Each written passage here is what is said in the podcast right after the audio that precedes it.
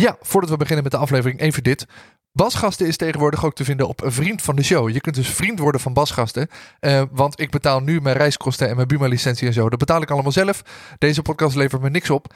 Ik zou het super fijn vinden als je me steunt met een kleine bijdrage. Eh, dan kan ik deze podcast blijven maken. Dus ga naar vriendvandeshow.nl slash basgasten. Word vriend van deze show. En help me om deze podcast voor te blijven zetten. Door naar de aflevering.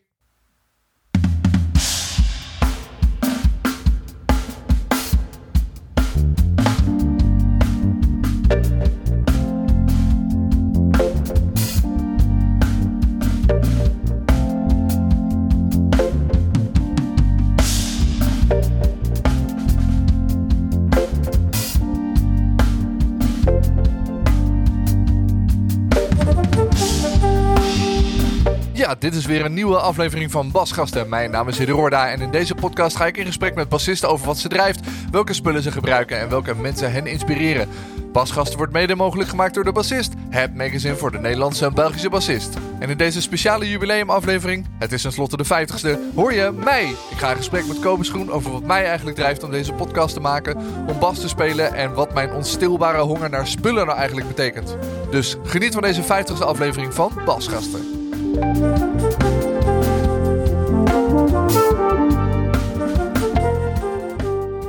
Zo, nou loopt hij wel. Moet ik dat intropraatje eigenlijk doen of niet? Nee, dat, ja, dat kan, maar dat moeten we dan straks even doen. Oké. Maar dat kan ik ook wel zelf doen. Ga je dat dan wel editen? Ja, dan ga ik dat ertussen plakken. ja, precies. ja, het is wel raar om in mijn eigen podcast te zitten. Eh, Dat geloof ik meteen. Ja, Maar het is ook wel een keer verdiend. Want na, nou ja, na 49 keren wordt het wel tijd dat we eigenlijk de man achter de podcast leren kennen. ja dat zeggen ze dan, hè? Dat Mooi. was niet, was niet mijn idee. Ja, maar hoe, dat, dat is een beetje verschuilen achter je luisteraars. Ik verschuil me heel graag achter mijn luisteraars. Ik verschuil me heel graag achter mijn bas. Dat, ja, Maar dat gaat nu ook al niet, want we mochten geen bas inprikken vandaag. dat mag wel, maar we moeten even Nee, interventies wisselen. Maar Hidde, Ja. leuk dat je er bent. ja, leuk dat jij er bent, want we zijn bij mij thuis. Ja, nou, ik, normaal eh, begin ik altijd met eh, wat, wat heb je op schoot, maar dat, ik, eh, dat doe je al een tijdje niet meer. Nee, maar, dat is zeg mijn ik... eerste podcast, dus ik dacht ik ga het toch vragen. Ja, Kun- Wil je, waar is de kat eigenlijk heen? de kat is nou daar. Oh ja. Nee, ja, ik, ik weet niet zo goed hoe we moeten beginnen. Maar ik, ik dacht, nou ja, misschien is het wel leuk voor de mensen thuis... als ze een beetje een idee krijgen van nou, wie jij dan eigenlijk bent... en Ja. wat jij allemaal gedaan hebt. Oh, want je hebt natuurlijk deze podcast, maar je bent in eerste instantie... neem ik aan, eh, gewoon eh, een muzikant, mens, Ja, zo voel ik me wel. dierenliefhebber. En nou, ik, ik, ik ben wel benieuwd van wat... wat jij, jij stelt altijd alle vragen aan ons, maar wat, eh, ja, wat heb jij eigenlijk gedaan? Wat, waar kom jij vandaan? Wat, wat zijn je invloeden geweest? Ja. Moet allemaal in één keer gaan vertellen, oké. Nou, doe één tegelijk. Nee, ja, ik ben begonnen toen ik eh, negen was. Toen liep ik al even op de muziekschool rond in Arnhem. Daar kom ik vandaan. En daar had ik AMV gedaan, Algemene Muzikale Vorming. En eh, als je trouwens wind hoort, dat klopt. Want het is ongeveer windkracht 4000 eh, buiten. Zo. Maar ehm, Algemene Muzikale Vorming, dan ben je 6, 7, 8 jaar. En dan leer je een beetje noten lezen. En eh, dit is een saxofoon en dit is een viool. Mhm. En ehm, toen mocht ik een instrument kiezen van mijn ouders om te gaan spelen. En toen ben ik naar een open les. Dat was een open lesweek had je dan. Dan kon je naar een open les drums. Hè? Kon je gewoon gaan kijken. Mhm. En ik weet het zelf niet meer zo goed. Ik, ben wel, ik, ik, ik heb nog een soort van beeld in mijn hoofd van hoe dat er toen uitzag. Dat, dat gewoon een jongen had dan les bij die basleraar. En die waren Car Wash van Rolls Royce aan het spelen. Echt? Oké. Ja. Nice. En, eh, en mijn vader was daar ook bij. En ik weet het niet meer, maar ik schijn een half uur zo met mijn mond open zo, ah, naar die les te hebben gekeken. En toen wist ik het eigenlijk al. En je ouders waren blij dat het geen drums werd. Nee, dat deed mijn broer al. Oké, man, Die, speelde, die drumde toen al een jaar. Oké. Dus het was wel toevallig. Het, ja, het was wel toevallig dat ik dan bas gaan, ben gaan spelen.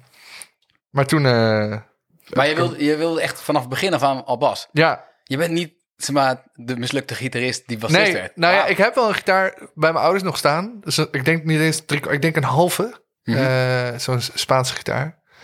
Die heb ik ooit een keer gekregen en dat weet ik ook niet meer, want die heb ik al. Er staat gewoon al in mijn kamer zolang ik me kan herinneren.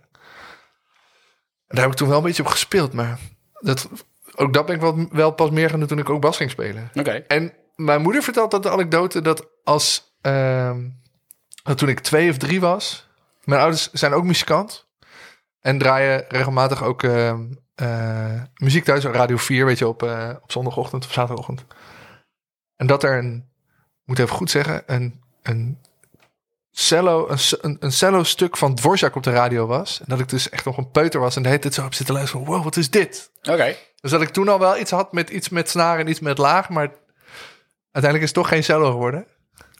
Nou, maar ja, wel was gaan spelen. mooi. Maar op je negende al, dus Ja. je zijn negen, toch? Ja, Maar hoe moet ik dat voorstellen? Want dat, nou, ik, nou, kan me voor, ik heb wel eens lesgegeven op de muziekschool en die hadden volgens mij de policy van je moet minimaal 12 zijn omdat het best een, een Ja. groot instrument is. weet nou ik had dus ook gewoon een longscale bas. Echt? Ja, ik had een Yamaha RBX 270, Oké. een zwarte. En eh, dat was gewoon een longscale. Dus ik zat echt zo... Er zijn nog wel foto's van volgens mij. Ik kreeg het als een soort... Alsof het, als, als ik nu een contrabas op groot zou zetten, een beetje die verhouding. Oké. En eh zat ik zo... En En zolang er niks in F moest, dan was het dan wel prima. ja, ik denk dat dat het ongeveer was. Maar ik kon er wel net bij. Oké. Ik heb zelfs nog een foto dat ik met, op mijn tiende met een precision bas om mijn nek hang. Met een Fender uit eind 70's volgens mij. Wauw. Die hing op de muziekschool. Ga- Oh, dat is een mooie muziekschool dan. Ja, nee, die, die, die bestond al heel lang. Dus ik denk dat ze die toen voor Oh, het die design ja, ja, hebben gekocht. Die hebben ze nieuw gekocht. Ja. Nou ja, en eh, eh, ik weet nog wat, die was heel zwaar, weet ik vooral. Hm. Oké. Dus dat wist ik toen al. De foto's trouwens, moet ik even zeggen, die ga je straks online zetten. Die ga ik nog wel op Oké, social zetten. Ja. Mensen die goed zoeken, die eh, kunnen het nog wel vinden. Ik moet even speuren. Ik denk ergens bij mijn ouders thuis staan nog wel een foto van die, eh van die Yamaha. Maar die heb ik wel, die heb ik twee jaar gehad, denk ik. Oké. Nice. En, en toen op de, maar, vanaf de muziekschool meteen naar bandjes ook? Of was dat meer... Ja, ik ben meteen in een bandje gezet toen. Gaaf. Met mijn broer ook. En dan twee gitaristen. Maar en dan Ja. ben je met z'n allen ben je tien, zeg maar. Ja, Gaaf. ja, en toen zijn we ook meteen zelf liedjes gaan spelen. Gewoon eigen liedjes gaan maken. Oké. En eh, onder leiding van eh geweldige saxofonist Miguel Boenens. Ik hoop dat hij luistert. Die is echt... eh, dat is, die gast heeft... die, daar heb ik zo van geleerd. Gewoon meteen... Oh ja, wat gebeurt er? Wat ga je nu... Wat ga je nu spelen? Mhm. Wat eh, zullen we een, een dingetje bedenken? Ik heb nog een cd van mijn optreden. Ik zal maar verzoeken, even pakken, kijken of ik hem nog heb. Denk het wel. Dit, eh, je, doe maar rustig aan, hoor. Ik- dit knip ik er straks uit. Oh ja. Er wordt nooit iets uitgeknipt. is helder. Oh, je hebt echt... Hij ligt ook gewoon hier Ik heb hem nog. binnen handbereik. Young and Rocking heten wij. En dan eh, vier eigen liedjes en Mercy, Mercy, Mercy van Goes Stangler. En er staat nog op live, live opname op 22 februari 2000. Nice. Zeg maar. Aan de binnenkant zit je foto met de Precision. Dus Yo, mijn wat beetje tof ma. dit. Maar zo jong ook. Dat- Wat gaaf. Ja. Omdat je... Oh, kijk ook. Nou ja, deze foto moet je echt... eh, even Ja, die staat nog volgens mij ook ergens op mijn, eh, op mijn socials. Wel tof, man. Maar het is gewoon dan al met je eigen muziek aan de slag. Ja, Goed, toen man. nog wel. En toen nog wel, en, want Ja. daarna ging je gewoon toch maar lekker Lenny Kravitz naspelen. Ja, dat heb ik wel veel gedaan. Dat, is- ja, dat, dat zal best. Gaaf. Had je een, eh zeg maar, op het voortgezet onderwijs, hadden jullie, werd het veel gestimuleerd muziek? Mm, nou, de school waar ik zat wel een beetje. Maar eh, ik had niet... Ik heb... Ik weet niet, ik heb volgens mij geen muziek-eindexamen gedaan. Nee? Nee, Jammer. ik kan me dat niet meer herinneren in ieder geval. Maar was wel een vak. Zeg maar, een, Nou op, on- in de onderbouw was het al een vak. Maar in de bovenbouw kan ik me dat echt niet meer herinneren. Nee, ik weet vrij zeker dat ik geen muziek-eindexamen heb gedaan. Want we zijn in de derde klas verhuisd naar een andere school. En daar heb ik het muzieklokaal bijna nooit gezien. Oké. Eh, maar dus je probeert het nu, want je bent nu natuurlijk zelf muziekdocent. Ja. Je probeert het nu beter te doen als een... nou ja, ik, ik geef geen bovenbouwklasse les. Oké. Nu. Wat ik ook niet zo erg vind. Maar... ehm, nee, maar ik ben wel... Volgens mij in de tweede klas al... Ik, de school waar ik zat, die had een... ehm, eh, een samenwerking met de Dansacademie in Arnhem. Oké. En dat was dus een soort... En het consortium had een vooropleidingsproject, heette dat. Dat kon, was dan voor middelbare scholieren. Oh nee, laat maar. joh. Dat kan niet. Ik heb eens proberen mijn gordijn dicht te doen, maar die gaat alleen maar de andere kant op. Eh, ik ga eens kijken of dat nog bestaat. Maar dat was dan voor middelbare scholieren. En dan ehm, had je twee keer per jaar hoofdvak. Ik had wel gewoon nog basles op de, op de muziekschool. En dan had je twee per jaar had ik hoofdvak. Daar heb ik Pieter en Char ook leren kennen. Mhm. En, ehm, en je had theorieles en een ensemble. Dat heb ik heel lang gedaan. Dat heb ik van de tweede tot de vijfde klas gedaan. Dus toen was ik al wel meer met muziek bezig dan gemiddeld. Dus eigenlijk heb je gewoon vier jaar lang een vooropleiding gedaan. Ja, vijf jaar eigenlijk. Want Vijf, ik heb in de zesde klas heb ik, heb ik de gewone vooropleiding gedaan. Ja, ja. Oké, wauw. En toen naar Utrecht. Toch? Ja. Of wat? Je was op Utrecht, toch? Ja, geweest? ja, ik ben begonnen in Utrecht bij Theo en bij Joël. Ook geen vervelende... Nee, daar heb ik super van geleerd. tijd. Nee, dat was top. Nee, nou ja, goed. Ja, top. Ja, ik heb er wel heel veel van geleerd. Maar de, ehm, ik ben daar wel weggegaan uiteindelijk. Ehm, want ik vind Theo en Joël echt fantastisch. Maar eh, ik wilde nog... Ik wilde heel graag nog les van iemand anders eigenlijk. En ik wilde me meer op echt op die popmuziek gaan richten toen. En toen dacht ik, halverwege mijn derde jaar dacht ik... Ja, als ik, als ik dat nog wil, les van Hmm. Michel van Schiet, wat ik heel graag wilde, Ja, ja. dan moet ik dat wel nu doen. Want anders gaat het me geld kosten, zeg maar. Ja, ja. Dan moet ik gewoon pri privélessen gaan zoeken bij hem of bij iemand anders. En eh, toen ben ik naar Rotterdam gegaan. Toen heb ik mijn derde jaar daar opnieuw gedaan. Want dat moest. Ik mocht niet direct in het examenjaar instromen. Oké, En daar ben ik afgestudeerd. Gaaf. Ja, Fijne school lijkt me, Rotterdam. Tenminste, ja, wij... Ik, ik heb zelf in Enschede gestudeerd. En Ja. ik denk dat wij waren altijd een beetje jaloerse pallen op alle studenten in Rotterdam. hoezo? Nou, die, het leek altijd of die altijd hele coole docenten hadden of zo. En die kwamen dan één keer per jaar bij ons een, eh, een, eh, een uurtje lesgeven of zo. Ja, Dat, dus ik had één keer per jaar een uur les van Michel van Schie. daar kun je al wel weer drie jaar mee vooruit. Ja, dat, was, dat klopt wel. Ja. Dat was inderdaad, eh, dat was vaak wel leerzaam en een hoop materiaal. Maar ja, kun je eigenlijk, de, de- hoe zeg je dat? Nou ja, wij dachten altijd van shit, man, dat willen we ook. Daar gebeurt het. Daar gebeurt het Ja. zo, ja. Maar, want dat, dat was ook een beetje de tijd dat veel bandjes, voor mijn gevoel, en veel muzikanten kwamen allemaal uit Rotterdam. Weet je, wij luisterden toen naar die Anouk Band en die Ja. gaf allemaal daar les. En dat, je had, eh, toen, dat was een beetje de tijd dat Ajax Storm opeens veel ging spelen. Die kwam natuurlijk ook daar vandaan. Ik dacht, fuck, we moeten daar naartoe, man. Maar eigenlijk heb ik het idee dat het allemaal wel goed is gekomen. Ja, nee, ja, het is wel. Ja, je hebt wel het gevoel dat het daar gebeurt, maar je moet wel. Je moet het ook een beetje zelf opzoeken of zo. Hm. Het is niet alsof de, de, de te gekke docenten als gebraden kip in je mond binnenkomen. Dus ze zijn er allemaal wel, Mhm. maar je moet, wel ook wel, je moet het wel echt uit, uit willen halen, zeg maar. Ja, ja. En, ehm, en ik heb natuurlijk nu best wel veel ook conservatoriumdocenten gesproken. En eh, ja, je kunt overal wel hele gave, gave mensen vinden. Dus dat is niet dat, dat, dat ik denk, oh, Michel van Schie is de beste basleraar van, eh, van Nederland. Verre van. ja Wel hij een is, hele Hij is erg goed, maar... Hij is, nee, maar hij is erg goed als muzikant. Ja. Weet je, en dan kan je eindeloos veel vertellen en leren. Maar het is geen didacticus, zeg maar. Nee, dat- als ik met Fedra zit te praten, of als ik met Charlie praatte, die eh ten tijde van het opnemen vorige week is overleden, Ja. ehm, dan hoor ik ook een didacticus, zeg maar. Iemand die bezig is met hoe ze, wat ze andere mensen leren. En ik had het idee dat Michel het vooral heel erg deed vanuit enthousiasme en oh, dit is gaaf en dit is allemaal vet. Oh, dit moet je allemaal Ja, kunnen. En, oh, en als je dit kan, dan kan je dit ook. En als je dan toch bezig bent, kan je net zo goed dit doen. Dus een heel andere manier van dingen leren. En Ja, ja. dat was ook voor mij wel een beetje een, een soort van... eh daar moest ik heel erg aan wennen toen ik vanuit Utrecht kwam met Theo de Jong. Die gewoon op een hele, wel heel enthousiaste, maar eigenlijk heel rustige manier vertelde van... En je leerde van hoe je kan spelen wat je hoort. En Michel misschien vertelt ongeveer hetzelfde, maar dan vijf keer zo snel. Ja, precies. ja, mooi. Ehm, ja, ik ben hier niet zo goed hè, met het interview. Ik moet Nee, het even een beetje on- ontdekken. Maar eh, Misschien moet je een spin-off van deze podcast beginnen. ja, basgasten, de, de interviewers.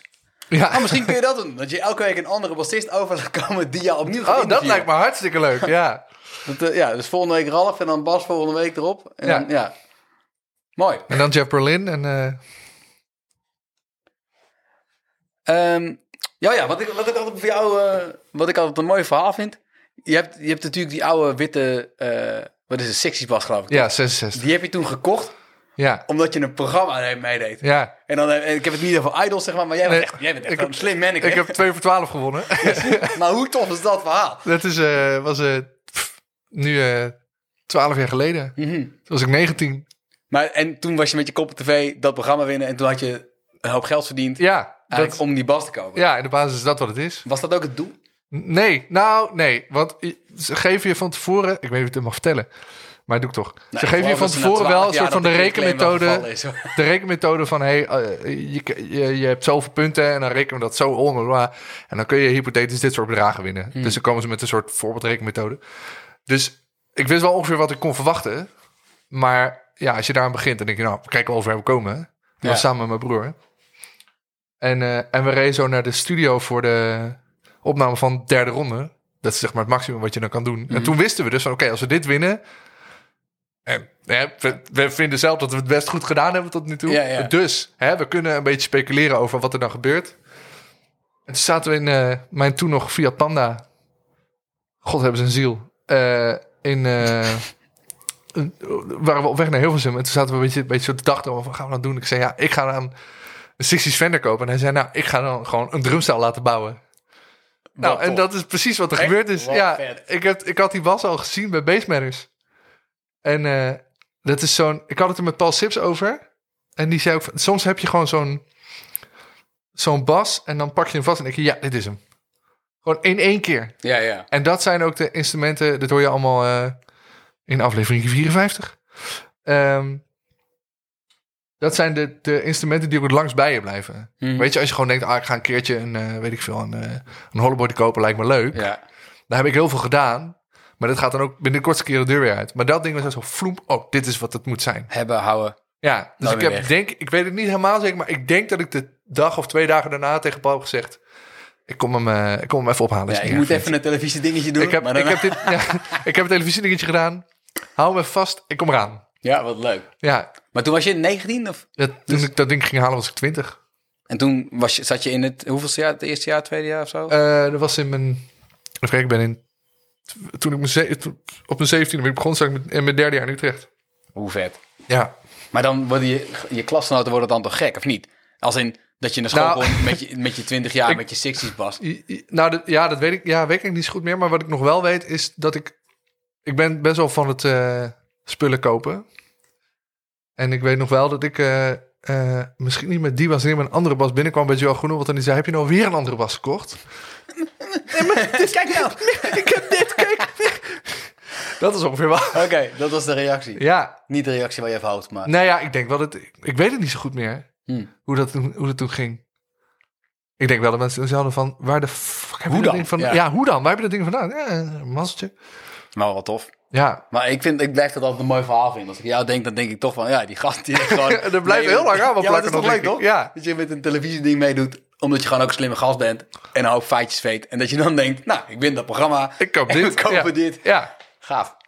Veel, andere, veel van je leeftijdsgenoten destijds hadden waarschijnlijk, eh, weet ik veel, een motor gekocht of een, eh, of een auto of weet ik veel wat. Nee, maar een auto had ik al.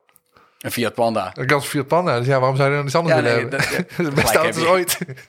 Maar heb je, en daarna heb je nog veel oude, je hebt natuurlijk een mooie muur vol met bas hangen. Ja. Die heeft iedereen denk ik wel gezien ondertussen. ja, ik heb best wel verzamel... Nou, ik heb niet verzamelwoede, maar ik ben wel heel ongeduldig. Hoe? ik heb, eh, wacht even hoor. Ik zie toch eh, tien bas hangen. Of, eh, Nee, er hangen er negen, maar er staat er nog één in de hoes. Ja, dus, dus, dus, Dus tien.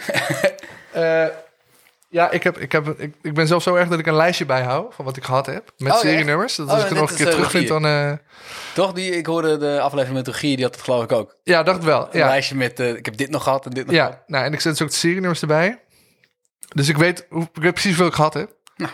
Kom eens op. Ik, volgens mij heb ik er bijna 40 gehad Echt? in 20 jaar tijd.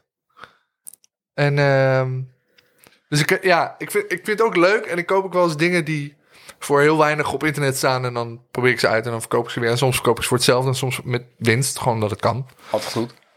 Ik zie mezelf geen handelaar, maar ik vind het gewoon leuk om nieuwe dingen te proberen. Mhm. En soms, bijvoorbeeld, ik heb nou die Mustang net een tijdje. Dat ik bij een maat van mij was en die speel, ik speelde en ik dacht, ah, ja, nu moet ik er ook een hebben. En ik speelde op zo'n De Gier Sommit. Toen dacht ik, ja, weet je, ik kan het wel niet doen. Maar eh, ik wil, kan, kan het ook wel doen. Maar en hoeveel bassen koop je in een jaar dan? Op deze Nou ja, manier? eh, nou, vroeger heel veel. De laatste tijd niet meer. Nee? Nee, ik koop niet zoveel meer impulsief dat ik denk, ik kijk wel even wat ik doe. Tenzij het echt een belachelijke deal is. Ja, ja. Maar, Maar, je, eh, wordt, je wordt in die zin wat verstandiger en wat, eh, wat Ja. gematigder, toch? Dat, ja, eh, ik probeer steeds meer te bedenken, ga ik er echt op spelen? Ja, oké. En als ik denk, nou, dat ga ik niet doen. Terwijl het ding niet zo duur is, eh, laat maar zitten. Ja. En vroeger heb ik dat wel gedaan. Ik heb echt bas gehad. je echt, Wat moet je ermee? Ik heb, ik heb een Squire Standard Jazzbas gehad. En toen was ik al... Toen had ik die oude jazzbas van mij al. Toen kocht ik een Squire Jazzbas. Omdat ik gewoon dacht, ik ben benieuwd wat het leuk. is. Voor bijna niks. Toen dacht ik, ja, is een goede bas. En toen heb ik hem verkocht. Ja, nou ja, ja, dat heb ik dan weer niet. Tenminste, eh, als je iets hebt, dit is een beetje het heilige graal, toch? Zou je zeggen. Dus om dat te zeggen van, ik, wil met, ik ga nog een jazzwas kopen. Of Ja. nog geen en nog geen. Ja, heb ik wel gedaan. Ja. En elke keer dacht ik, ja, het is wel gaaf, maar die is vetter. Hop, de deur uit. Oké. Wat, en wat gaat hier nou het eerst van weg straks? Oeh, eh... Dat is een hele moeilijke vraag. Eh, nou, als je me echt mensen op de keel zet, denk ik dat mijn Stingray eerst weggaat. Ja? Ja, die heb ik nog niet zo lang. Die is, Nou. dat is die vredloze, toch? Ja. Ja, het is gewoon omdat ik denk, nou, die vind ik dan... Ik vind alles wat ik heb nu te gek. En die vind ik dan zeg maar het minst te gek. Maar dat is gewoon omdat ik er nog niet zo ingegroeid ben. Oké. Maar ik heb... Ja, die oude Fenders van mij, die mogen niet weg. Nee, dat, ik- dan, dat mijn- zou ik ook niet doen als ik jou was. En mijn voor mij gebouwde de gierbassen mogen niet weg. Dan slaat nergens op. Die ding was ook wel... Die had ik laatst weer mee naar repetitie met Aafke. En toen zei ze... Oh, die bas klinkt echt heel goed. En als niet-kenners horen dat het een goede Dan, bas dan is... is het een goede bas. dan hoor. is het een goede Ja. bas. Nou, die fretless jazz bas, die mag echt nooit meer weg. Dan word ik echt gevierendeeld door iedereen die ik ken. Oké.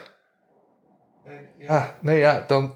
Als ik echt moet kiezen, gaat die Stingray weg. Maar ik kan me dat voorlopig niet goed voorstellen. Maar dat heb ik vaker gezegd. Die gaat nooit meer weg. En wat, heb je nog een, heb je nog eens een van verlanglijstje met iets wat je heel graag wil hebben?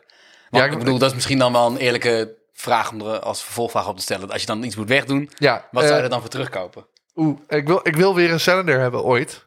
Die heb ik ooit gehad en dat vond ik zo gaaf. En ik heb hem verkocht. Nog steeds geen spijt van. Maar toch wil ik wel weer een, een, eh, een cylinder hebben. En ik wil eigenlijk nog graag een mooie hollowbody hebben. Ik was... eh, Zo'n Guild Starfire of zo. Wat een ding is dan, eh, ja, maar droger. Hm. Ja, maar die guild kan ook best wel sustain hebben, zeg maar. En ik, maar ik was van de week bij Nana Ajoa. En die heeft dan een eco, volgens mij. Zo'n hollowbody. Mhm. Niet alleen maar zo... Foemp. Dat vind ik zo vet. Ja? Ja, dat het super droog is. En... ja, en dan gewoon een stuk schuim onder de, onder de snaren. Dat het gewoon geen systeem meer Ja, heeft. ja, oké. Dat vind ik mooi. Dus, eigenlijk- maar eigenlijk wil je gewoon een Hofner dan, toch? Of, ja, maar dan wel een grote. Dus geen vioolbas. die zo'n vind ik niet zo lekker. hoe heet dat ding ook weer? Is dat Nee, die een, eh, club is ongeveer hetzelfde formaat. Maar je hebt ook van die, die Hufner President bassen. Die zijn echt... Dat zijn een soort, soort huizen zo groot. Oké. Heeft Sofie niet zo'n ding? Weet je, Sofie uh, Verschuik? Dat weet ik eigenlijk niet. Nee, die heeft een club volgens mij. Maar Ivo Schot heeft er wel een. Die heb ik een keer hier thuis gehad.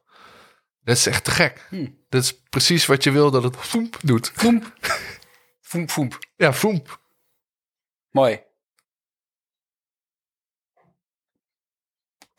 Oh ja, dat wil ik ook nog vragen. Ik heb, ik heb stiekem een paar dingen opgeschreven. Ja, daar was ik bang voor. eh, anders dan eh, zou het na, na vijf minuten klaar zijn. maar eh, nee, ik was eigenlijk benieuwd. Ben jij ook een beetje een effectenman? Mm, af en aan. Ik gebruik voor bas eigenlijk nooit effecten. Nee? Ik heb het wel gehad. Ik heb zo- zo'n Bos OC2 gehad. Dat vond ik heel vet. Dan alleen maar, weet je wel, alleen maar het, eh, het effectsignaal open. ja, ja. Want dan heb je zo'n eh, zo'n square wave. Dus ik heb wel geëxperimenteerd met octavers. Ik had op een gegeven moment in mijn 90s bandje had ik altijd een octaver mee. Want toen had ik nog geen synthesizer. Mhm. Dus toen wilde ik al die synthesizer baslijntjes, die speelde ik dan met, volgens mij had ik toen een ABS Octobase. Met Oh ja. alleen het octaafsignaal aan. Eh, verder. Ja, ik heb, ik heb, oh ja, en ik heb een hele goede basoverdrijf.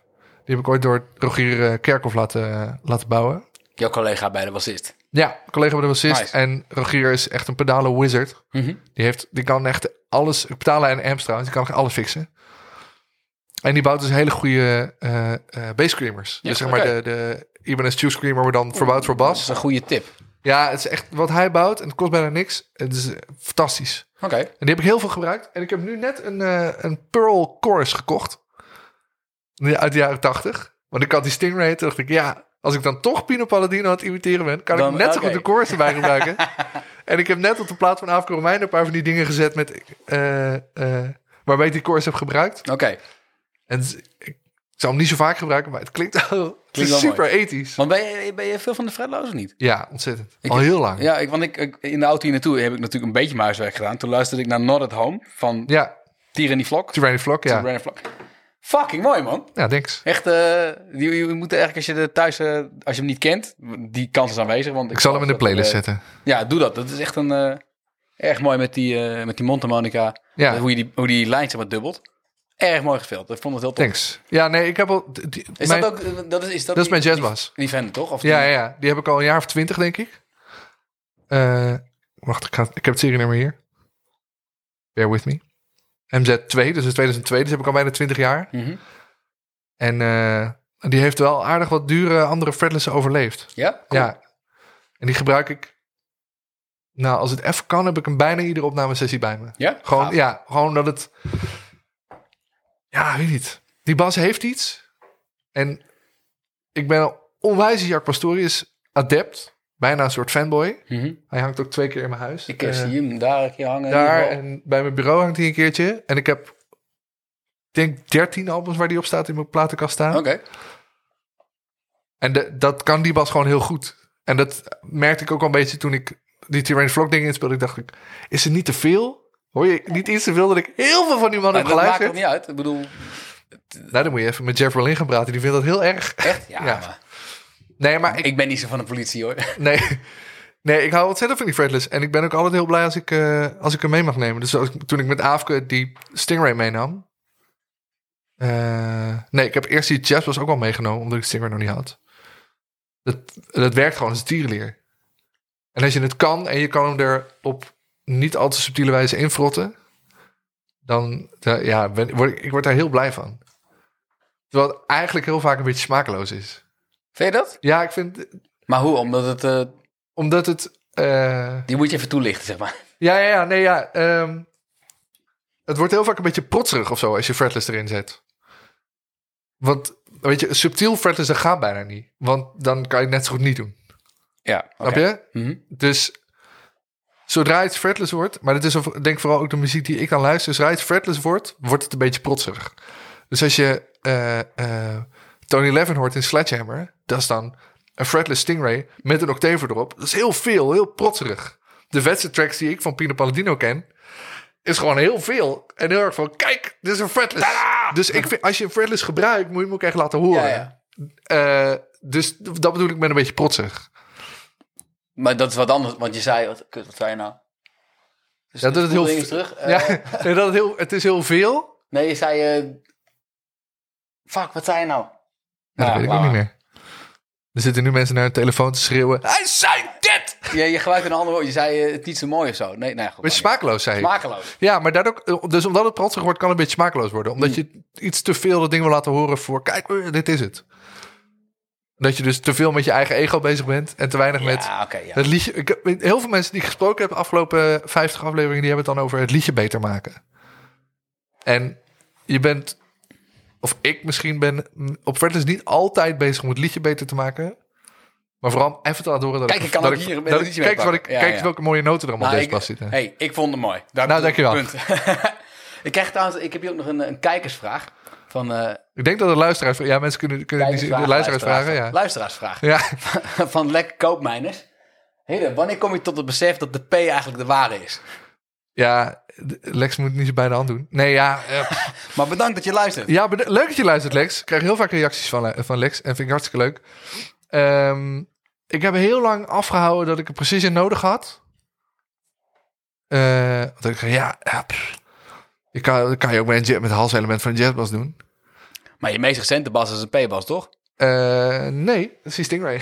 Oh, echt? Eh, Die daar moet ik weer weg. Nee, oh, sorry. Ik dacht dat je die... die nee, maar die- nee, nee, nee, die heb ik iets langer. Maar eh, op een gegeven moment kocht ik een Squire, zo'n witte, die Hmm. vintage modified. Denk een jaar of toen was ik een jaar of 18, denk ik.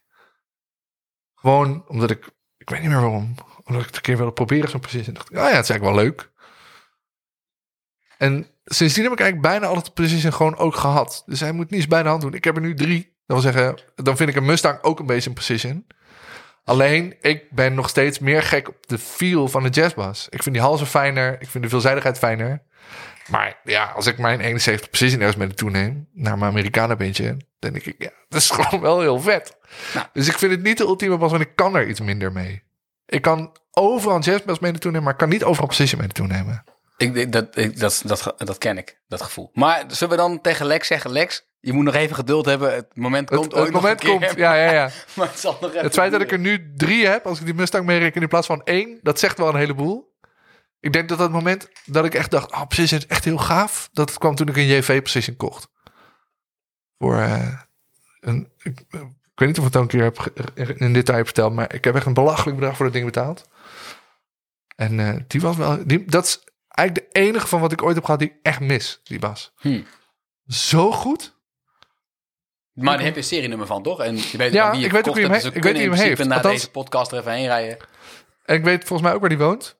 Nou. Dus ik ga misschien nog wel proberen om te overhalen om terug te kopen. Ooit. Oké. Misschien wel binnenkort. Ik heb Oeh. nog een andere vraag van Daan. Daan zegt, ik ben benieuwd naar je beste en ergste live ervaring en waarom. Oh, dit zijn altijd mooie anekdotes. Beste live ervaring vind ik een beetje moeilijk. Ik, had, ik, heb, ik heb die vragen zelf natuurlijk eh, voor je verzameld. Dus ik had er een heel klein beetje over nagedacht. Ehm, maar mijn, mijn beste is, denk, zijn er denk ik twee. Ik stond een paar- twee jaar geleden, misschien drie jaar, op de Zwarte Cross. Mhm. In de undercover tent. Jou wel bekend. Ja, ik ken hem. Ja. en daar passen tegenwoordig 5.500 man in volgens mij. Ja, het hebben hem goed, eh, goed zo. Ja, Goed groot gemaakt. Precies. En dan stonden we met de Green Day in de koffersessie. En toen waren er op een gegeven moment eh, vier moshpits tegelijk. Oké. Gewoon verdeeld door de tent. En toen stond ik te spelen en toen dacht ik... het is dan wel niet mijn muziek... maar mensen staan hier wel dit te doen... Dit is toch wel tof. omdat, omdat ik dit sta te doen. En ik speel niet zo heel vaak voor echt grote publiek. Dus dit was, dat was heel gaaf. Nice. Ehm, en de andere keer... Ik heb tien jaar geleden een paar shows met Ramon Waya gespeeld. Een Cubaanse pianist. Mhm. En dat was die man, die, je, hoeft, je hebt van die muzikanten dat als ze spelen, hoef je niks meer te doen. Want het gaat gewoon vanzelf. Ja. En bij Ramon gaat alles vanzelf. Je hoeft alleen maar te luisteren naar wat hij doet en mee te gaan. Zo lekker is dat, hè? Als je, gewoon, dat je met, als je met een goede muzikant speelt, dat je vanzelf gewoon beter wordt of zo. Ja, Zo fijn is dat. ja precies. Maar en soms kan je een beetje geïntimideerd zijn door goede muzikanten. Mhm. Dat je denkt, god, veel te, veel te goed en ik moet nu... Dat je er achteraan Ja, ja. loopt. Maar hij ook als mens is zo fijn om mee te werken... dat je gewoon alleen maar denkt, wat heerlijk om met deze band te spelen. En dan hoef je echt niks meer te doen. Ja, super knap is dat. Ja, Hoe, dat, iemand zeg maar zo het beste je naar boven kan halen. Ja. Dat je gewoon dat je, op je, dat je op je gemak bent, dat je relaxed voelt. Dat je denkt, deze gast is gaaf. En goed, Ja. weet je, dit, alles werkt opeens of zo. Ja, oh, ik, ik, ik speel. En dat je ook dingen speelt waarvan je niet wist dat het in je vocabulaire zat. Ja, gaaf hè? Dat vind ik zoiets iets bizars hoe dat werkt. Ja. Eigenlijk is dat zo'n staat waar je eigenlijk altijd in wil zijn, toch? Dat je, ik- ik heb het maar heel soms hoor, dat je gewoon, ja, je moet op een bepaalde manier heel relaxed zijn voordat het lukt. Maar dat, dat het net alsof je jezelf aan het observeren bent of zo. Ja. Dat je dingen speelt dat je denkt, huh, maar dat kan ik helemaal niet. Nee. Maar ik hoor mezelf wel doen nu. Ja. Hoe dan? Oh, hè, speel ik dit? hè? En- Ja. maar het raar is, op het moment dat je dat realiseert, is het weg. Ja, daarom. Dus je, moet er niet gaan denken, over oh, is het gaaf. En dan is het niet meer gaaf. Dat is het moeilijkste. En de slechtste, ja, ik heb, als je, dat zou je misschien wel kennen, maar als je in een coverband speelt, dan kom je op plekken dat je denkt, wat doe ik hier? Ja. Ik, ik, ik heb ooit, eh, ik heb heel lang in de jaren negentig coverband gezeten. Tien jaar of zo. En eh, dan kom je wel eens op carnaval en zo. En kermissen. Mooi hè? Oh man, ik kan geen kermis meer zien. Nee? Nee, ik vond het echt verschrikkelijk. Maar en dan meestal in Brabant geweest? Ja, eh? heel veel in Brabant. We hadden op een gegeven moment ook een boeker die vooral in het zuiden boekte. Oh, ja. Dus we hebben een paar keer in, eh, in Asten in Brabant gespeeld. Mhm. Ik hoop niet dat ik nu... Ik ga nu even factchecken of Asten daadwerkelijk in Brabant ligt. ja hoor. Oké, Het eind van de N279 ja. Aan de A67. aan het kanaal. Ja, preek Net voorbij eh Beek en Donk, of weet dat ook weer? Nee? Nou, maakt er niet uit. Nee, maar goed. eh Asten, Noord-Brabant.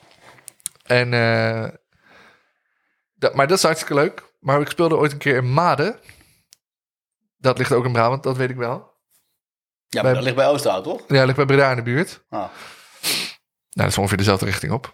Maden in Maden. Ja. Meet in... Op het, eh, op het, eh, op de op carnaval. En dat optreden zelf was, nou ja, het was gewoon een carnaval. Dus iedereen was knaldronken en eh, prima. Maar we zaten daar, de kleedkamer was, de, was het invalide toilet.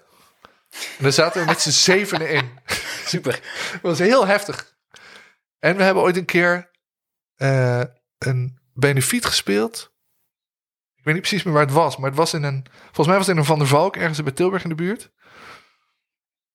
En eh, er was een privaat georganiseerde benefiet. Ehm, maar de, wist het, het, eh, eh, het goede doel zelf wist dat niet. Oh, Dus die hadden ook geen promo gemaakt. Super. En die kaartjes waren hartstikke duur. Volgens mij was het bijna 30 euro of zo. Er stonden dan twee coverbands. Wij en nog een andere. En een zanger van zo'n jaren 60 groepje. Een Brits groepje. Die was speciaal overgekomen voor die benefiet. En er waren volgens mij vier kaarten verkocht. En we kwamen daar aan. En er stonden twee podia tegenover elkaar. Of schuin tegenover elkaar. En wij stonden op het ene podium. Andere coverband op het andere.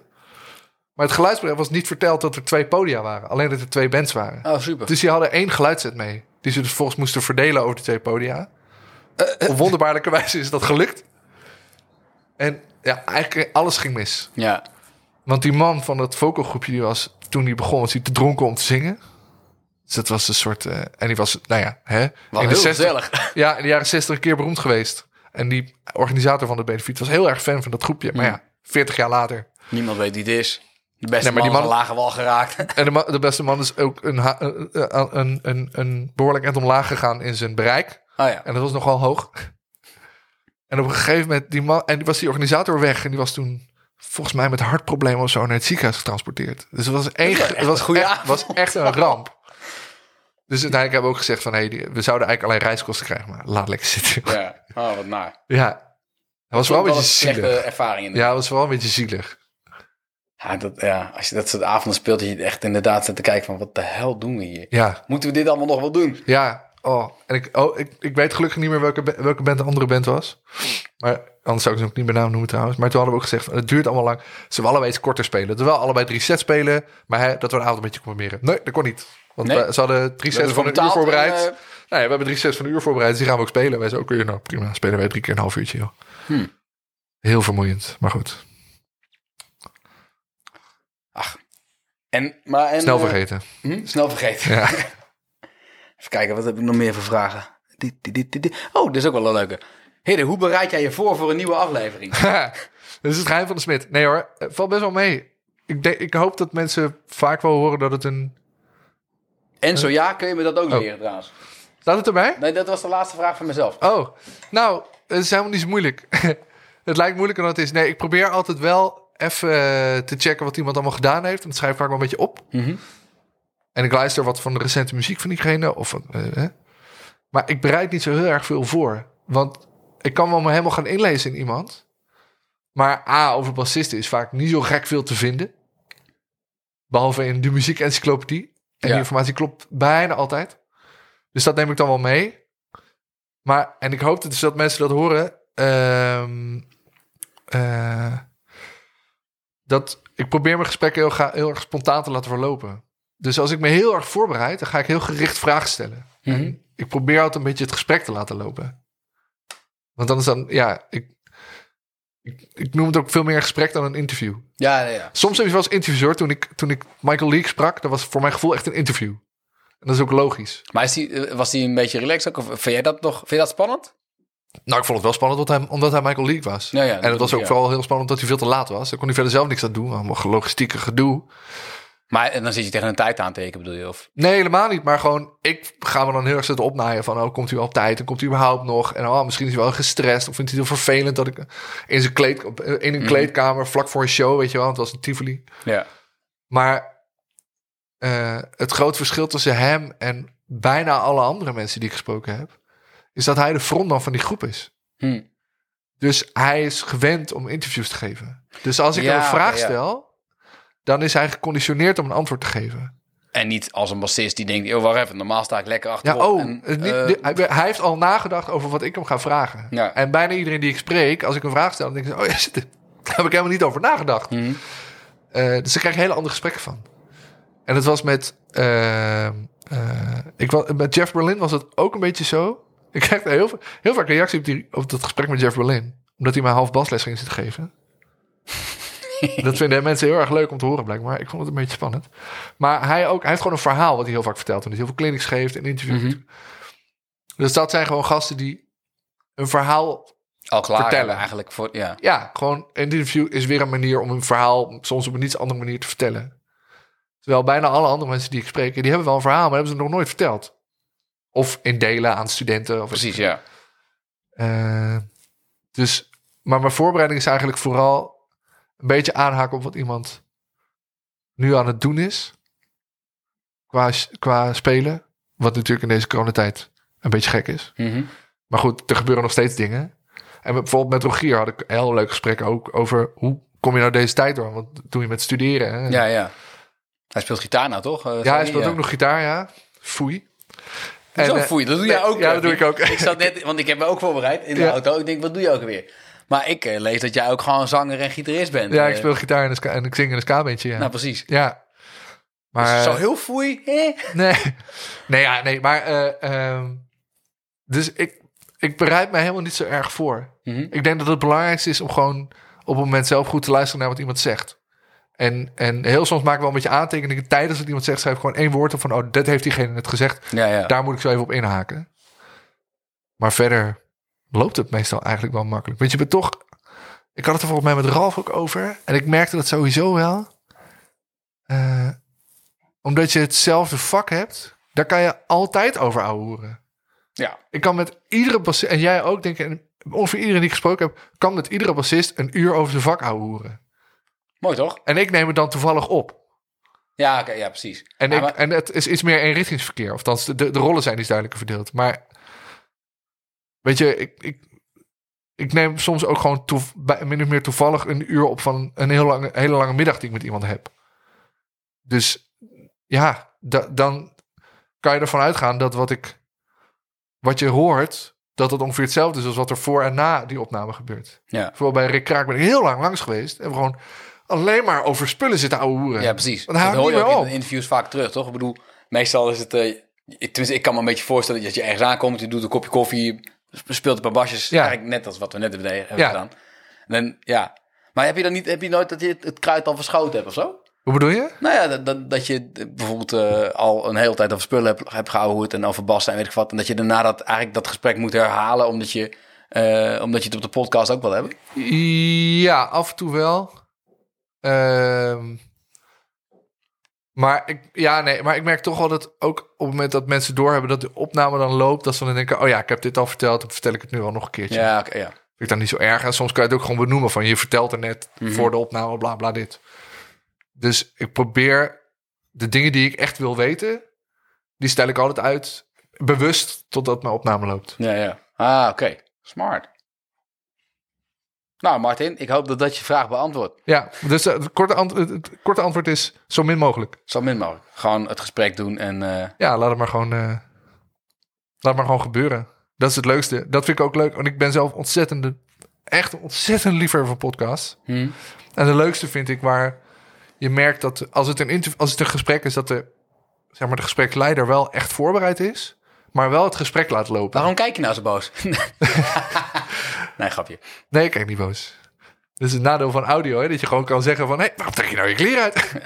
Eh, ik, ik- wacht even, ik wil graag wel op de band hebben of knip je dit dan weer uit? nee, Nee, dat ik, ik heb gewoon nog steeds mijn broek aan. ja. Ik heb wel maar- speciaal voor jou een broek aangetrokken. Want Oh, dat is natuurlijk tegenwoordig met de coronacrisis. Dus ik zit alleen maar thuis in Ja, mijn, ja. in mijn eh, joggingbroek, ja.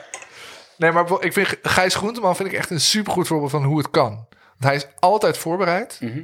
maar hij kan ook gewoon een gesprek met iemand hebben waarbij je dus niet door hebt dat hij voorbereid is. Knap. Ja, is heel knap. Ja. Dus zo. Zorg dat je gesprek kan voeren, dat is het belangrijkste. Ik heb, eh, even kijken hoor. De- de- de- Ja, je, oh ja, dat wou ik vragen. Je, bent- je bent natuurlijk, je vernoemde net al Rogier. Je schrijft voor de bassist ook eh, regelmatig. Is het niet super lastig? Want ik denk elke keer, oh wat gaaf. Hij heeft weer een mooi artikel geschreven over de nieuwe bas of een nieuwe versterker of wat dan ook. Maar je krijgt die dingen dan opgestuurd naar huis. Ja, En dan, dan wil je die dingen toch houden? Eh, niet altijd. Nee? Nee, Oké. wel met enige regelmaat, maar lang niet altijd. Ik, ik, als ik iets schrijf, en ik schrijf, ik schrijf ook reviews voor Music Maker, Mhm. en vroeger, tussen aanstekens, kreeg je nog wel eens een cd'tje. En nu is het altijd een Soundcloud-link of weet ik veel. Ja, natuurlijk. Maar, En is oké. En maar bij- voor de echte spullen die je moet uitproberen, zoals laat die preamp met al die honderdduizend Ja, die heb ik nog steeds liggen. Oké. Maar eh, die heb ik nog niet teruggebracht. Sorry, Chris. Eh, althans, ik denk als dit uitkomt, heb ik hem inmiddels wel teruggebracht. Maar ehm, soms vind ik iets zo gaaf dat ik het heel graag wil hebben. Mhm. Mm, maar omdat ik weet dat ik het weer moet teruggeven, dan denk ik, eh, het zal wel. Kijk, die preamp heb ik niet, ik heb het niet nodig. Dus dan denk ik, prima, ik wil weer terug. En dan, ik ga dan soms wel nadenken van, hm, ik heb misschien zo'n preamp nodig. En dan kom ik bijna tot de conclusie, ik heb een hele fijne versterker met een hele goede DI-out. En dan er, beste mee, ja. Ehm, ik zit even te denken wat, of er dingen zijn die ik heb getest die ik echt wilde hebben. Ik denk die Vigé die ik had.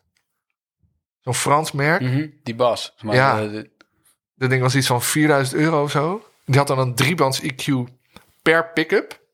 want dat kan. waarom niet? maar dat ding, dat prikte ik in, was zo vloek. Ah, sound. Ja, was oké. altijd sound. Verder, ik weet niet goed. Ja, die Yamaha die ik laatst had, vond ik wel heel goed. Maar zoals sommige mensen wel van mij weten, ik hou niet zo van, ehm, van eh, een PJ-combinatie. Precision Nee? in de hals. Man, mooi. Ja, ik ben er niet zo gek op. Ik vind dat Ja, ik heb, net ik heb niet. niet zo'n ding, maar een leerling van mij heeft zo'n ding. En ik denk elke keer, shit, dat ding klinkt echt heel goed. Ja, dat heb ik ook heel vaak. En zeker bij die Yamaha denk ik, ah, dat is echt een heel goed ding. Die Yamaha Bas die ik had ook echt heel erg goed. En dan prik ik en ik, het klinkt echt gek. Dan ga ik echt luisteren. Of, zou, ik dit, zou ik dit kunnen gebruiken? Nee, heb ik Hmm. eigenlijk nooit bij een PJ. Ik ben intussen even aan het opzoeken of ik nou... Ik heb ergens in mijn mapje alle reviews staan. Dan weet ik het. Maar het is minder erg dan bijvoorbeeld werken in een muziekwinkel of zo. Ik kan me herinneren vroeger van vrienden van mij die in een muziekwinkel werkten. Dat was gewoon eigenlijk de baan des hels. Ja, dat wil je allemaal de hele tijd je hebben. wil alles de hele tijd hebben. Zeg, Ja. alles wat ik hier verdien en je twee wordt keer er- zoveel gaat er per maand uit aan nieuwe spullen. Ja, je wordt ook wel de hele tijd... Ik denk als je in de muziekwinkel werkt... word je ook wel de hele tijd ermee geconfronteerd. Ja. Daarom lijkt in een platenzaak werken me ook heel frustrerend. Want je krijgt de hele dag goede muziek om je oren. Ik heb al, ik heb al een soort van overload van wat er allemaal Mhm. toffe muziek is. Eh, maar als je in een platenzaak werkt, ben je je het de helemaal hele dag hoort, ja. Even kijken hoor. Even mijn reviews speuren.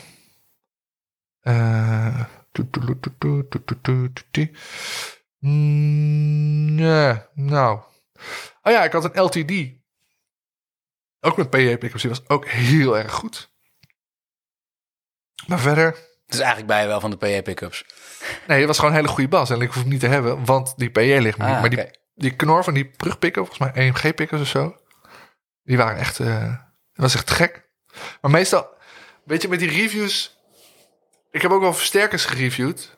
En dan meestal denk ik, ja, is heel goed.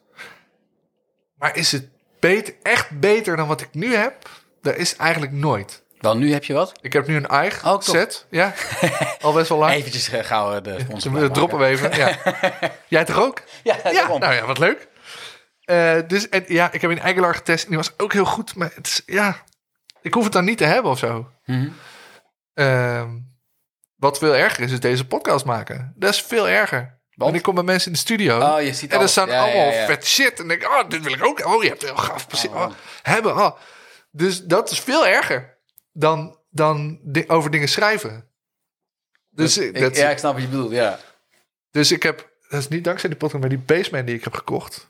Dat is wel omdat ik heel vaak mensen, oh, buisversterker, oh, zo vet. ah, ah. Dus op een gegeven moment kwam ik deze tegen. dacht ik, Ja, ik moet hem nu, dit, Oh, dit ik moet wil- ik hebben. Ja, Ja, ik snap het. Ik wil ook nog steeds zo graag een B15. Maar een oude. ja, wel een oude. Maar Ja. ik, ik zou niet weten wat ik ermee moet doen. Behalve de hele dag erop spelen. Ja, nou dat dus. Maar, oh. maar, ik weet, maar in mijn, in mijn, in mijn live, eh, met met mijn spelen, ga ik dat nooit gebruiken, denk ik. Nee, ik zou het met een B15 echt doodeng vinden. Ja, Deze precies. gooi ik gewoon achter in de auto, vind ik niet zo erg. Heb ik trouwens nog niet gedaan. Ik, wil ik, zeggen, ik zou er ook voorzichtig mee zijn, toch? Maar ja, ja, goed. Ik leg hem in de auto. Maar eh, een B15, ja. Ik heb toch wel bij een paar mensen geweest die er een hadden. Mano Hugas heeft er een. Mhm. En eh, Nick Kamphuis. En ik ben, bij Michel Verschiet thuis geweest. Die heeft er ook een. Is alles wat je echt speelt is gaaf. Ja. Alles is gewoon te gek. Terwijl ik, dat weten mensen wel van mij. Ik hou helemaal niet van Ampère. Nee, ik ook niet. Maar, Maar die van wel. B15, oh. Ja, of, maar en, en, en een, een, een goede SVT is ook wel mooi. Maar ik had daarvoor ook altijd iets van, nee. Ja, maar, de- Maar het is gewoon, ze hebben ook heel veel rotzooi gemaakt. ja, ik vind gewoon heel veel Ampère niet gaaf. Ja, nee, ik snap je. Ik heb één keer de plaats van mijn oude rockbandje... heb ik opgenomen op de SVT Blue Line van Jamie van Hek. Mhm. En die is met ook die oude koelkast. Daar wil ik trouwens nooit meer doen. Want die moest dus een trap op. Dat, is, dat is sowieso een slecht idee. oh man. Maar die klonk helemaal te gek. Dat was ook het moment dat ik dacht... oh ja, een overdrive en een precision. Ik had toen zo'n Roadworm precision. Die eh, Fiesta Red. Mhm. Is helemaal te gek. Maar ik... pff, de rest van de Ampères die ik... Ik heb denk ik nog nooit... behalve dus op die oude B15... echt een, echt een goede Ampère gespeeld. Maar dat is echt een kwestie van smaak. Want ik ken mensen die hebben zo'n 350... en die zweren daarbij. Zo'n transistor ding bedoel je? Ja, Ja, nee, dat, dat, nee. gewoon niet zo gaaf. Nee, vind ik ook niet zo gaaf. Nee. Mijn broertje had vroeger zo'n ding. Die, eh, nee. Dat, ik kreeg daar ook gewoon geen lekkere sound uit. Ik Nee, weet niet hoe mensen niet. dat in godsnaam doen. Nee, lukt er niet. Net als met eh, SWR of zo. Dat klinkt ook gewoon eigenlijk altijd kut. Mag ik dat zeggen? Dat mag ik zeggen. eh, dat mag je wel ik zeggen. even een ironie. Dat is Smeets. Oh, dat, Mag ik dat zeggen? Ja, dat mag ik zeggen. Oh, dat met wie had ik het nou Ik ben ook zo goed op de hoogte. Een SWR had. Ja, maar ik heb het ook, dan krijg je altijd zo'n zo'n uitgeholde sound die Ja, wat niks geen druk heeft of zo. En het zijn echt mensen die bij zweren, maar ja, nou moeten die mensen lekker zelf weten. ja, Er gelukkig. zijn ook mensen die de hele tijd op een Music Man Stingray spelen. Moeten ze ook wel zelf weten. Of op een rekenbakker. Dat is wel mooi, toch? Ja. Hey, wat is het, eh, wat is het tofste wat je ooit hebt gedaan? Wat ik heb Waar ben je gedaan? het meeste trots op? Eh, Een hele generieke qua, vraag, qua spelen dan? Ja, of qua alles in je leven. alles in mijn Je leven. bent natuurlijk wel, ja, maar je, je bent best wel heel veelzijdig. Ik bedoel, je, Ja. je geeft Ik- muziekles, je, je stelt instrumenten af, je, je speelt gitaar, bas, zang, Eh, ik ben wel... je Ik ben, schrijft. vind ik, zelf, ik ben best trots op hoe ik nu lesgeef. Want ik sta gewoon voor de klas. Mhm.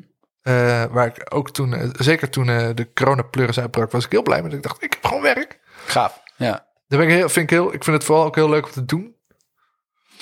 Ehm maar qua spelen, jeetje. Ik vind die platen die we met T-Rain de Vlog hebben gemaakt, die vind ik wel echt heel goed. Cool.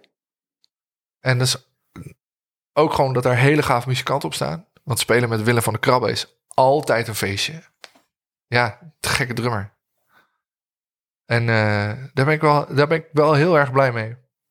Nice. Ja. Ik denk dat dat wel... eh, En in de toekomst staan er dingen op de agenda nog? Je zei met Afke ga je theater in? eh, Nee, er komt een nieuwe plaat uit van Aafke. Oké. Nou, die is al uit ten tijde van deze eh, aflevering. Die heet... eh, help me even. God, wat die plaat nou? Godzilla, zo heet die.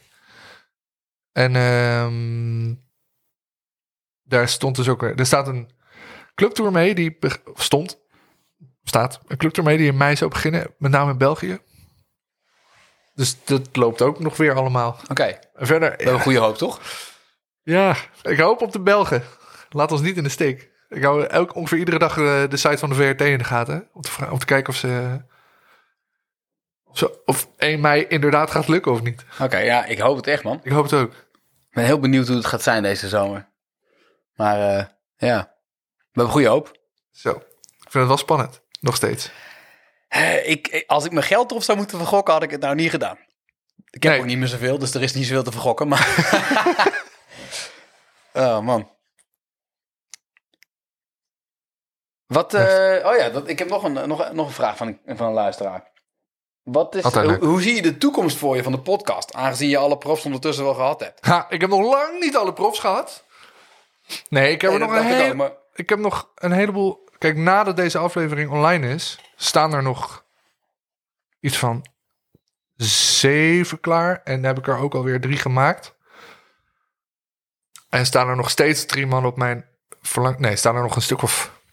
Wie staan er nog op je verlanglijstje? Mag, mag ik dat weten? Of Ja, dat eh, Severijns. groot geheim? Oh ja. Maar die heeft eh, eh, privé nogal een heftig jaar achter de rug. Hmm. Dus die heb ik al twee keer gevraagd. Zeiden ja, moeilijk, ja. Ik voel me gewoon niet zo... Nou, prima. Eh, ik heb Rinus Gerritsen al wel gesproken. Maar die zei, deze oude lul wacht even tot hij gevaccineerd is. Einde Ja, citaat. Oh, ja, goed. dat snap ik heel goed. En kijk, Michel van Schie en Aram Kersbergen, die staan gewoon nog steeds hoog op mijn lijstje. Maar die zijn ook heel moeilijk om mee af te spreken. Want ze zijn en heel druk Mhm. en licht chaotisch. Toch wel? Ja, een klein beetje maar. Dus ehm, dat is gewoon lastig, maar dat komt wel. Ehm, maar ja, qua toekomst, ik, kijk, ik weet gewoon op een gegeven moment hou ik er weer mee op. Ik ga dit niet, eh tien duizend afleveringen. Nee, Ja, ik ga dit niet duizend afleveringen doen, bij wijze van spreken. Ik denk dat Hans heel graag, dat was de vraag was trouwens van Hans Snellers. Misschien dat het een soort eh, sollicitatie is van, hé, hey, eh, kom eens bij hem langs. Ik weet niet of Hans prof is. Nou, Eh, maar moet het een prof zijn? Nou, nee, helemaal niet. maar- Nou, het is wel, ik vind het wel leuk als mensen iets horen van iemand die ze wel eens op een plaat hebben gehoord. Zeg maar. Ja, oké, ja, natuurlijk. En ik hoop vooral heel erg dat eh eh, live shows weer gaan beginnen. Mhm. Want ik had een aantal afspraken met mensen staan. eh, tot de pleuris uitbrak. Ja, ja. En ik heb wel twee afleveringen, drie afleveringen via Zoom gemaakt. Maar ik vind het echt vreselijk. ja. Doe dat, ik ga dat niet meer doen. Maar omdat ze, omdat ze op dat moment liever niet wilden afspreken? Of? Nee, dat kon gewoon niet.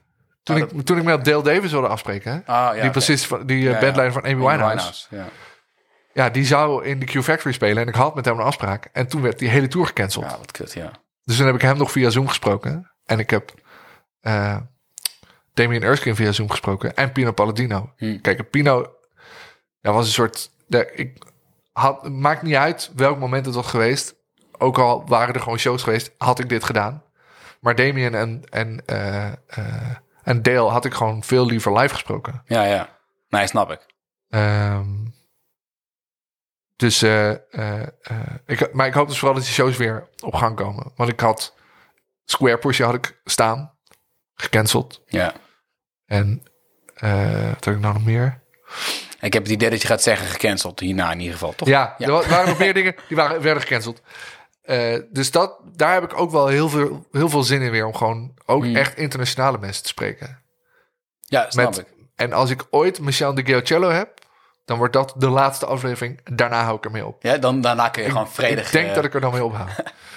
nee, dat is een beetje flauw, maar dat, ik vind dat zo... eh, ik vind haar zo gaaf. Ja, Die staat echt met stip bovenaan.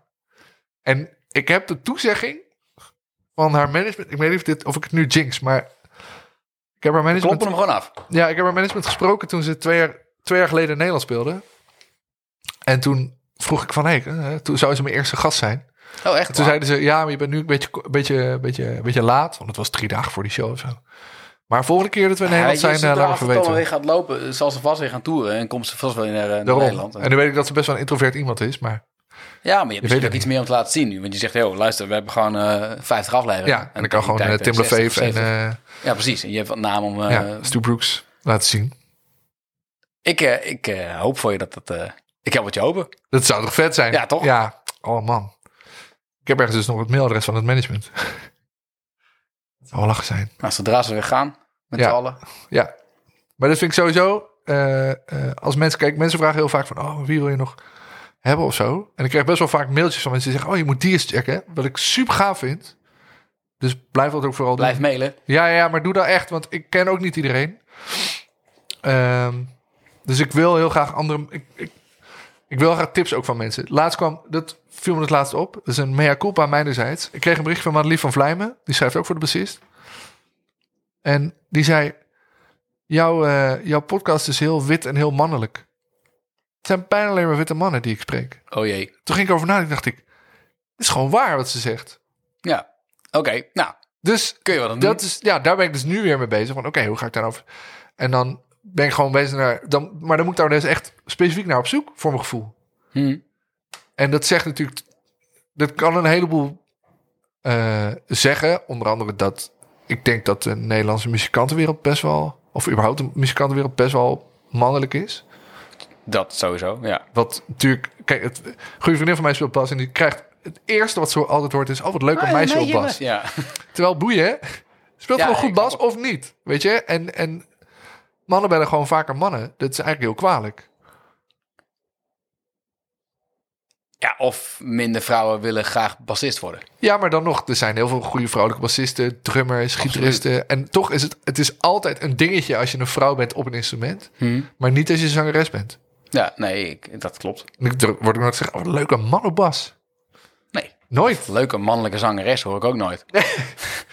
Maar eh, eh, Maar dus je moet even actief op zoek. ja, daar ben ik ook wel mee bezig.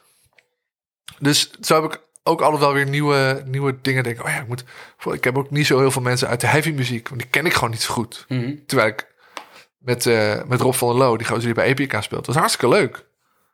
Nou, maar, en je, maar je houdt wel van heavy muziek, toch? Tenminste, Ja. toen, je- toen je net zei van het eerste concert wat je weer gaat zien... Was, wat zei je nou, Meshuggah of ja. naar Opet? Ja. Ja. ja. Staan allebei nog. Nou, misschien moet je die eens vragen. Ja, oh, dat zou leuk. Oeh, dat is een goed idee. Even een mail sturen naar het, mensen van Suga.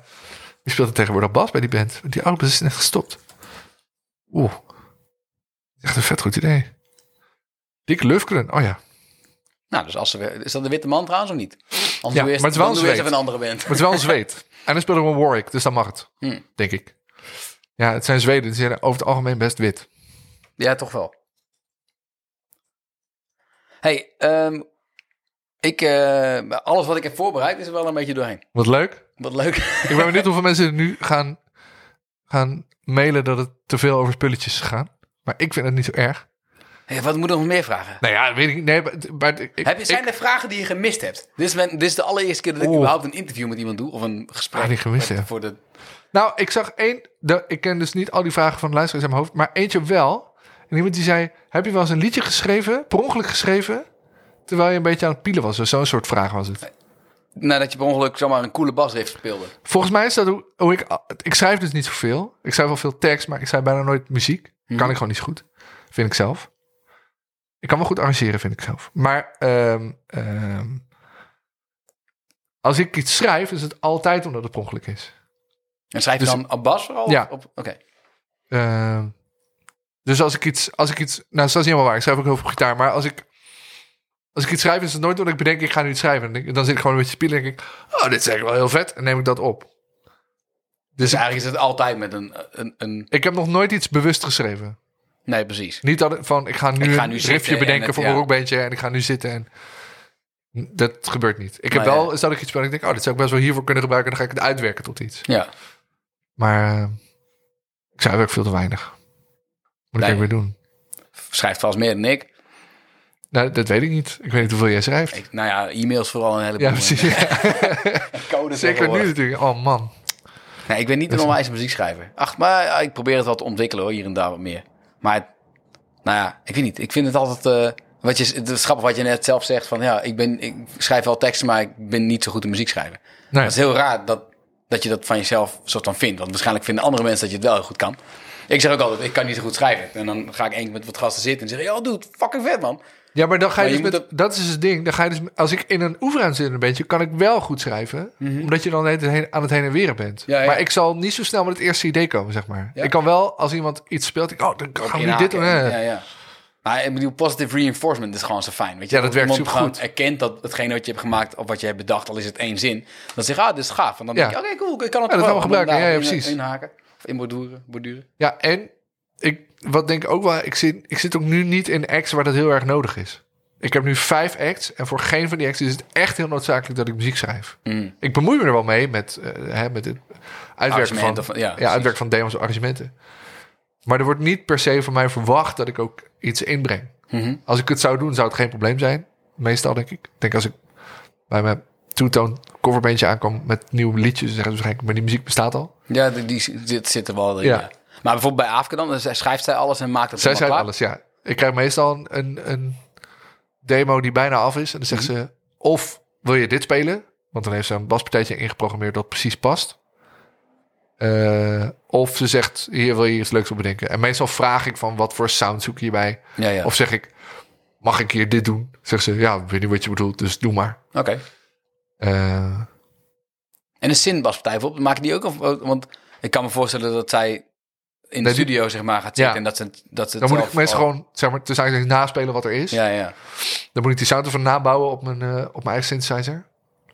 Eh, en ik kan er wel in variëren. Ook qua sound, ook qua filter of zo. Maar in principe, die baslijntjes liggen gewoon vast. Ja, ja. Want dan zit het gewoon in het arrangement Ja, precies. verwerkt. En ik ben op basgitaar wel iets vrijer. Maar ik ben qua spel op basgitaar ook iets vrijer. Ik kan wel Mhm. simpel spelen. Maar ik zou niet even snel... eh, wat sommige mensen wel kunnen, een soort van woeste... Ja, ik vind het wel knap.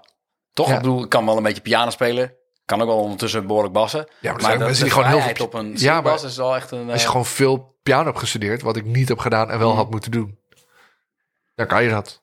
ja, En ik denk dat ik het voordeel heb dat je, omdat je links omdat je dan met links fret, dat ik daar wel mijn baslijntje mee kan spelen. Mhm. Maar ik vind het veel belangrijker dat de sound van die synthesizer klopt. Ja, ja.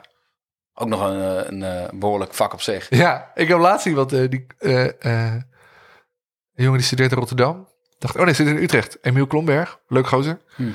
Die, eh, die appte mij van, hey, ik heb een Subfetti gekocht en ik snap er geen zak van. Help. Ja, Hij weet dat ik er ook een heb. Dus is hij gewoon langs geweest. We hebben anderhalf uur dat ding doorge, echt wel leuk. doorgelopen, ja. Ja, samen kom je een heel eind, hè? Zeker met die synthesizer. Je moet gewoon elk knopje honderd keer uitproberen en dan weet je wat het doet. Maar is dat, is dat zo'n ding met... Elk knopje heeft een dedicated functie? Of Ja. is het... Ja, dat is wel Anders, anders wil ik hem niet hebben. Nee, precies. En man, daar word je helemaal schrik van. Ja. Ik heb zo'n R3 van Korg. Ken ik helemaal niet. Ja, het, het, is een, het is een soort synthesizer, niet per se bassynth. Maar die hebben dus, die, dat Oh, ding ja. heeft vier knoppen. Een soort microkorg is het, toch? Lijkt een beetje. Ja, het is het, het soort maxi microcore. Oh, ja. je dat? Ja. Maar die heb ik ooit gekocht omdat ik ook voor een bandje één synthbaslijntje moet doen. Ja, weet je wat? Ik ga dit maar eens gewoon proberen. Ik ga dit leren. Dit kan ik. Komt allemaal heus wel goed. Nou, nou, nou. Vier knoppen zitten erop en daar zit Ja. alles onder. Maar dan moet je dat allemaal die ja, in. oh, Nou, man. helemaal, Ik, helemaal ik, werd, ik werd al gek van de, van de, de Little Fatty van Moog. Dat is die grote. Die Mhm. ja. hebben ze nu opgevolgd door, door de Sub 37. toch? Ja. Ja. En de, de ehm de Sub Fatty is ook weer opgevolgd door de Sub 26, dacht ik. In ieder geval door de, de kleine versie. Maar die Little Fatty heeft dus ook... Die heeft wel draaiknoppen, maar er zijn dus ook encoders. Dus geen potmeters, maar Mhm. Ja, gewoon ja. met een lampje zo. En dan als je dan op een knopje drukt, dan verschiet het lampje. En denk ik, ja, maar net stond hij hier. Help! Wat is, welke functie is het nu? Ja, dus toen ja. ik Synthesizer kocht, dacht ik, ik wil inderdaad dedicated knoppen. knopje, ja. En toen ik hem kocht, kwam ik erachter dat als je drie knoppen tegelijk indrukt, dan gaat hij in shift mode. En in shift mode verandert de functie van alles. Oh, super. Dat is echt te gek. Maar dat gebruik ik nooit. Oké. Die kan, maar die kan je ook eh, via USB doen, gelukkig. Maar daar kan je dan weer parameters mee veranderen. Ja, daarom, het is echt, sound maken is echt een vak op zich. Ik vind het ook niet erg dat ik dat als bassist niet kan of zo. Nee, Het gewoon... nee, de truc is gewoon eerst heel veel namaken. Mhm. Gewoon classic synthesizer soundje. Oké, wat heb ik nodig om dit na te bouwen? Ja. En dan lukt het wel. Maar Ja, ik, ik heb dat ding al een jaar of zeven volgens mij. ik ben altijd nu heel blij als pas. ik een preset heb die er heel erg op lijkt. Ja, dan- precies. Dan ga ik daar dan... Weet je, de filter, daar kan ik wel ondertussen iets mee. Ja, En dan, dan misschien hier en daar nog de... De, de, de attack van de envelop kan ik ook nog wat... Ja. die- Ja. wauw. Oké, klaar. Verder niks meer aan doen. Dit lijkt er wel genoeg op. Ja. Maar jij speelt best wel veel zin, toch? Echt. Ik speel bij AFK heel veel synth. Ja. Want het is gewoon heel erg ook elektronisch gebouwde muziek. En met Tyranny Flock speel ik ook al synthesizer. Ik hoorde het, ja. Hoe heette die track ook alweer? De- Oudje Coulon. Met die steel drums? Ja. Dat is geen steel drum? Ja, het, het is een beetje die... eh, wacht even, heb ik het, heb ik het goede voor? Dat begint met die... Dat is die. Dat is geen steel drum die erin zit. nee, dat is een- wacht, ik, be- ik bedoel... Wacht, nee, dan wil ik hem horen ook. Een soort, er zit een soort eh, reggae-achtige vibe in. Ja, klopt. Vandaar mijn steel drum. oh nee. Dus Ja, een. EWI en een dwarsluit. En dat dat phaser dingetje wat je er tussendoor hoort, dat ben ik ook. Ik heb daar gewoon een soort gitaarpartij overheen. Het is gewoon off, ik heb gewoon reggae offbeat eroverheen gezet. Je speelt gewoon gitaar op een plaat, hè? Ik speel gitaar op een plaat van mijn Fusion Band. Eén liedje. Ja, dat, maar dat is toch vet? Ja, dat is wel leuk. Dus niet, niet voel je meer zeggen nou. Nee, ik heb het zelf voorgesteld. Ik zei, ja, dan moet er een gitaar onder. Zeiden ze, waarom dan? Ik zei, ja, dat hoort gewoon. Ik ga het wel proberen. Gaaf. Ja. Leuk man. Volgens mij zijn we rond. Zijn er al meer dan een uur aan, uur aan het ouwe hoeren. Echt? Oh. Ja. Ah, maar je knipt de helft eruit, toch? Nee, ik ga Alles er helemaal, niks uit. Ja, ik ga alle, alles wat over spullen ging, ga ik eruit editen. Dus dit wordt de kortste aflevering ooit. Ja, Tweeënhalve precies. minuut. Alright. Leuk man. Ja. eh, hoe kom je eigenlijk bij mij terecht om dit te doen? Nou, ik vroeg dus op mijn socials met welke van je gasten je de beste klik. Echt? En toen zeiden een paar mensen, dat weet je toch zelf wel? Alsof die mensen denken dat ik 55 afleveringen uit mijn hoofd ken. Niet? Je hebt ze gemaakt, Nee. toch? Ja, ik heb ze, nou, maar dat is het probleem. Ik heb ze gemaakt. Ja, dan luister je op een andere manier. Of dan... Nou ja, ja, precies. Want ik ben tegelijkertijd met het gesprek bezig. Dus ik vergeet heel vaak de helft. Wat, Ja, mensen, ja, oh, ja. maar dat was leuk wat je doet met die en die. Dan denk ik, oh ja, nou, het zal wel. Ja, volgens mij ging het daarover. Of ja, toen had hij het daarover. Ik denk, ja, oké, prima. Maar ik weet dat verhaal echt niet meer. Mhm. Want ik hoor 55 mensen die een uur lang anekdotes vertellen. Ja. En dan moet ik dus gaan onthouden wat die mensen... eh. Ja, en tenminste, ik weet niet hoe het voor jou is, maar ik merk aan mezelf, ik, terwijl de antwoord wordt gegeven, denk ik, ik moet wel het gesprek een beetje op gang proberen te houden. Dus ik al denken wat ik hierna ga vragen en zo. Dat hangt van het gesprek af. Soms denk ik wel, ah man, ik moet het echt op gang houden. En ik moet nu iets bedenken om te vragen, want het gaat super stroef. Mhm. Maar soms denk ik ook helemaal niet over na. Oké. Maar dus nu had ik gevraagd met wie heb ik de beste klik. En er kwamen een paar namen voorbij, waaronder jij. En toen dacht ik, ja, jij woont het dichtstbij. En ik vond het ook super relaxed, dus Nou, mooi. stuur je gewoon een berichtje. En zei je, oh, is goed. En toen, rijden. en toen, begon het, eh, toen begon het zenuwen voor jou. Dus ik doe een gesprek op gang houden. Nou ja, dat- niet, niet zo, maar ik bedoel, ik, ik, vond, ik vind dit wel spannend. Ik ben er niet gewend, zeg maar. Nee, nou ja, bij deze kan jij het ook. Nou, Thanks man, ja, graag gedaan. superleuk. We gaan een biertje drinken. Ja, laten we het doen. Je luisterde naar Basgasten en dit keer was Kobus Groen in gesprek met mij. Basgasten wordt gemaakt door mij, Hidde Roorda. De muziek die je hoort is van Tyranny Flak.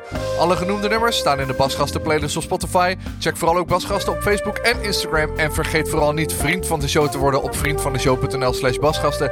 En laat een review achter op Apple Podcasts. In de volgende aflevering hoor je Tommy Veenstra.